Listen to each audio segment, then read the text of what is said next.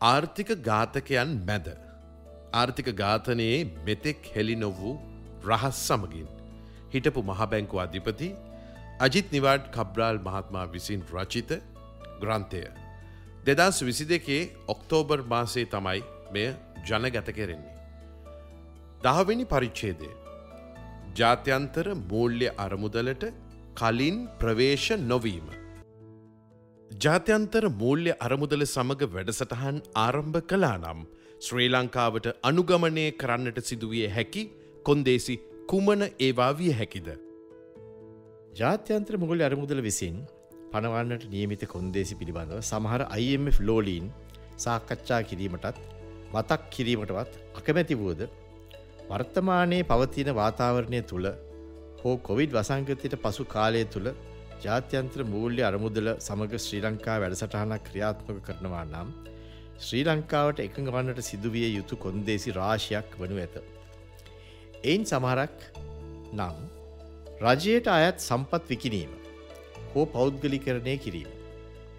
මෙහිදී විදුලිය ජලය රක්ෂණය බැංකු ගෑස් තුරකතන හෝටල් ගුවන් සේවය මහමාර්ග පරාය ගුවන් තොටපොළ ඖෂධ වැවිලි කර්මාන්ත යන ක්ෂේත්‍ර මෙහිදී විශේෂ සැලකිල්ලට භාජනය වනු නියතයි. ඊළඟට. බරපත්තල බදු වැඩි කිරීමක් හරහා බදු ආදායම සැලකිය යුතු ලෙස ඉහළ නැංවීම. සමහරු බදි වැඩි කිරීම ඉතා සරල ක්‍රියාවක් ලෙස සැලකුවද එම ක්‍රියාව යනු ජනතාව අත ඇති මුදල් ප්‍රමාණය අඩු කරමින් එම මුදල් රජය ලබා ගැනීම බව තේරුම් ගත යුතුයි.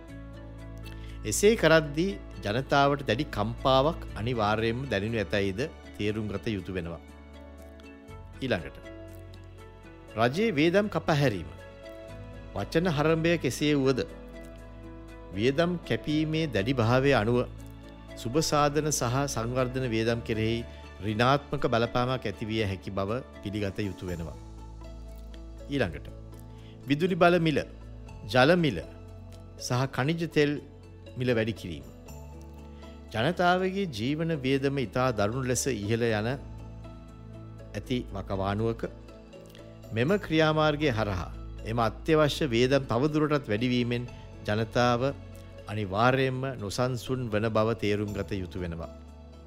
ඊළඟට රජයට මූල්‍ය පහසුකම් ලබාදීම අත්හිටුවන ලෙස මහබැංකුවට බලකරනු ලැබීම. මේ ක්‍රියාවලියද සරල එකක් ලෙස පෙනුනද. වර්තමාන අර්බුදකාරී කාලයකදී මේ කොන්දේසි හරහා රජයේ මූල්‍ය කල්මනා කරණය දැඩි දුෂ්කරතාවයකට පත්වනු නියතයි. මෙම කොන්දේසි තුළින් පොළු පොලි අනුපාතයද තවදුරටත් වැඩි වෙනවාමයි. ඊළඟට පොලි අනුපාතය වැඩි කිරීම. පොලි අනුපාතය දැනටමත් ඉතා ඉහළ අගේක පවතින නිසා. පොලි වියදම දැඩි ලෙස වැඩිවී අයවැය හිංගිය තවදුරටත් වර්ධනය වෙනවා. එහෙයින් ශ්‍රී ලංකාවේ ණයබර සහ ණය සේවාකරණයද දැඩි ලෙස ඉහළ දමනු ලබනවා. ආර්ථික වර්ධනයට එයින් දරුණු පහරක්ද එල්ල වෙනවා. මීට අමතරව වර්ධන වේගයට කැපී පෙනෙන බලපෑමක් ඇති කරමින් ජනතාවට මහත් පීඩනයක් ගෙන දෙන්නා වූ සංකෝචනයකට මුළු ආර්ථිකයම තල්ලු කෙරෙනවා. ඊළඟට. විනිමය අනුපාතය නම්මශීලි කිරීම තුළින් රුපියල තවදුරටත් අවප්‍රමාණය කිරීම. විනිමි අනුපාතිකයේ තිවුණු සහ අනපේක්ෂිත අවප්‍රමාණය වීම ආයෝජිකයන්ගේ විශ්වාසිට දරුණු බාධාවක් වෙනවා. එපමණක් නොව ජීවන වියදම ඉහළ ගොස් ඇති අවස්ථාවක එවැනි ක්‍රියාමාර්ගයක් මගින් ජීවන වේදම තවදුරටත් ඉහළයෑම අනිවාර්යයි. එයින් මතුවන සමාජ අසහනය බොහෝ විට ඉතා දරුණු විය හැකි බවද තේරුම් ගත යුතු වෙනවා. ඊළඟට. ණය ප්‍රතිබිවගත කිරීම සඳහා සාකච්ඡා දියත් කළ යුතු බවට අවධාරණය කිරීම.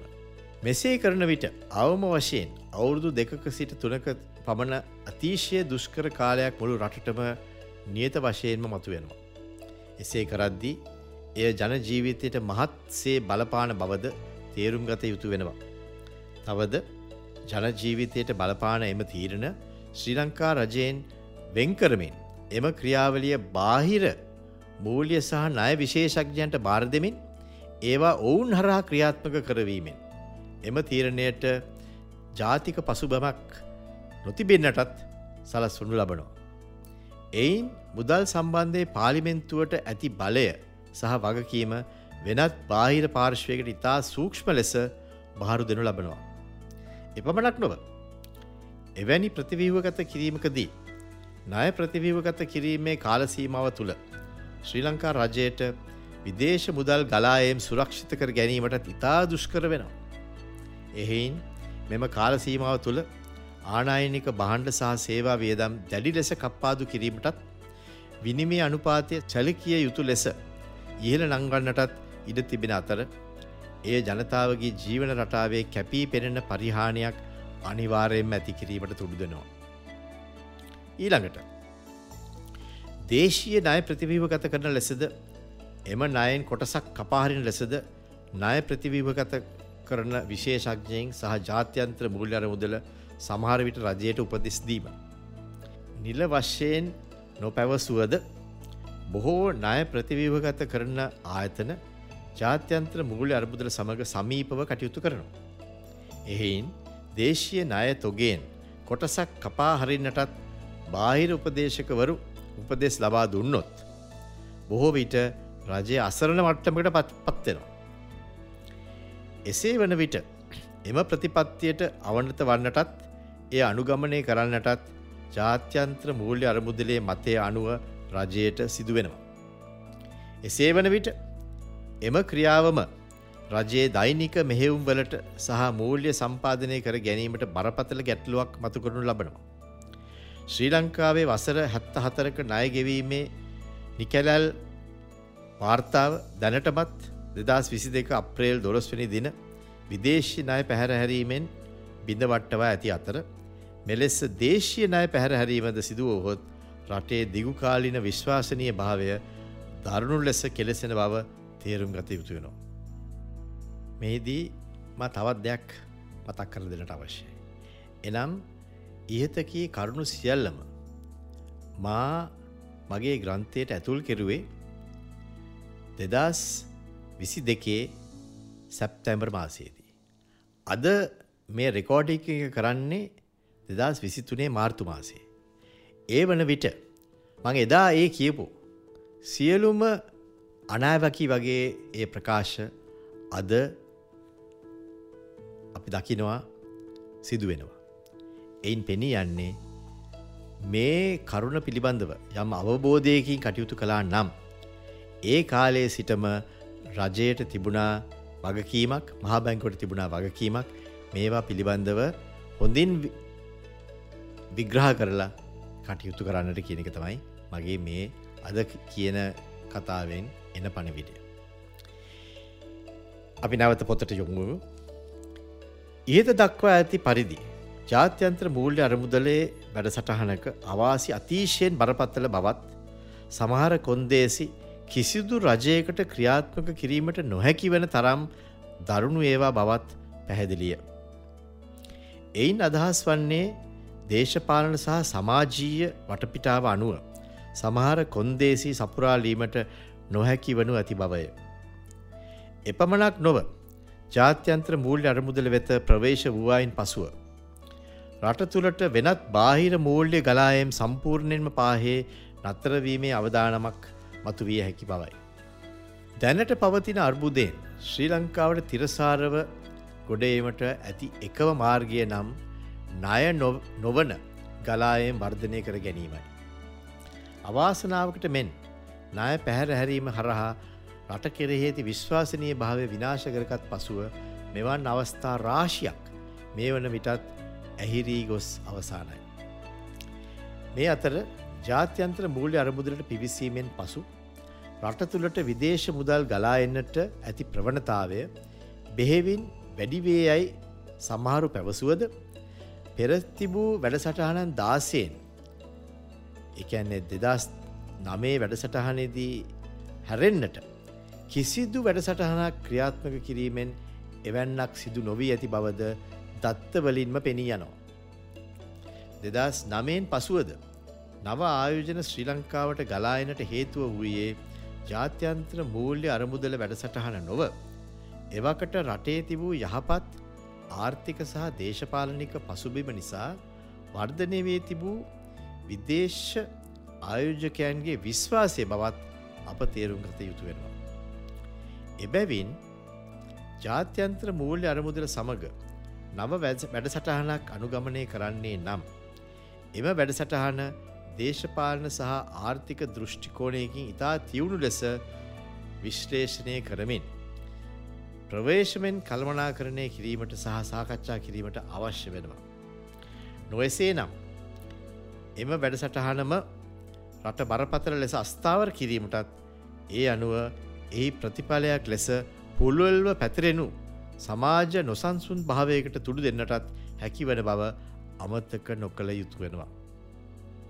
ග්‍රීසියේ ඉන්දුනීසියාවේ පකිස්ථානයේ සාජෙන්ටිනාවේ අත්දැකීම් වලින් නිරීක්ෂණය කළ හැකි පරිදි ජාත්‍යන්ත්‍ර මූලි අරමුදල වැඩසටහන් වල රිනාත්මක බලපෑම් හේතුවෙන්.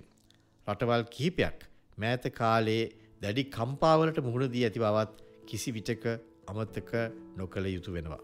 මේ පිළිබඳව මගේ ග්‍රන්ථයේ රෙෆරන්සර්ස් යොමු කීපයක්ම ලබාදිල් තියෙනවා. ම ඉතා කෙටියෙන් ඒව පිළිබඳව පොඩි විග්‍රහයක් කරන්න.